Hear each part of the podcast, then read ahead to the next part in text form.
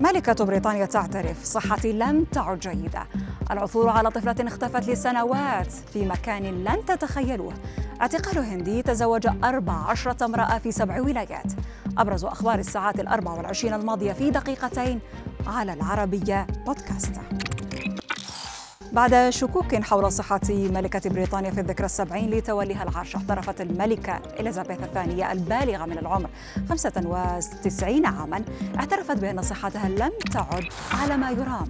اعتراف الملكة جاء خلال استقبالها قائدين في القوات المسلحة البريطانية في قصر قلعة وينسور حيث ظهرت مستندة على عصا المشي وأشارت إلى ساقها اليسرى قائلة لضيوفها كما ترون فأنا لا أستطيع التحرك.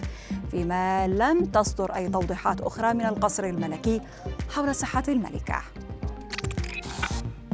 في البرازيل وتحديدا في جنوب شرق البلاد خلفت أمطار غزيرة وصفت بالمرعبة. وهطلت لست ساعات خلفت 106 قتلى بينهم أطفال. وسائل الإعلام المحلية أوضحت أن الأمطار تسببت في انهيارات طمرت منازل وغمرت شوارع بما فيها من مركبات مشيرة إلى أنها أدت إلى تشريد المئات من السكان. فيما وصف مسؤولون الوضع هناك بأنه يشبه ساحة حرب. قائلين إن هناك أكثر من 550 شخص يعملون في الإنقاذ والبحث عن مفقودينه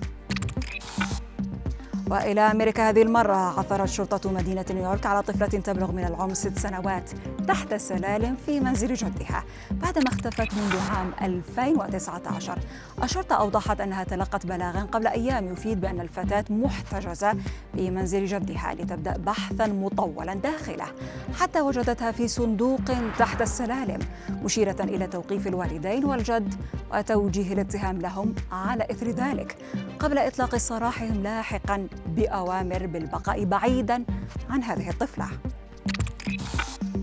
أوقفت الشرطة الهندية رجلا ستينيا بتهمة احتياله على 14 امرأة. تزوجهن على مدار 48 عاما في سبع ولايات مختلفة. صحيفة إنديان إكسبرس أوضحت أن الرجل تزوج مرتين قبل عام 2002 ثم بدأ, بعد ذلك بالزواج بالنساء المطلقات خصوصا الموظفات عبر مواقع التعارف على الإنترنت مدعيا بأنه طبيب أو محامي. هذا وأشارت الصحيفة إلى أنه كان يستولي على أموالهن ثم يلوذ بالفرار حتى كشفته زوجته الأخيرة عندما شاهدت رسائل على هاتفه من زوجاته الأخريات.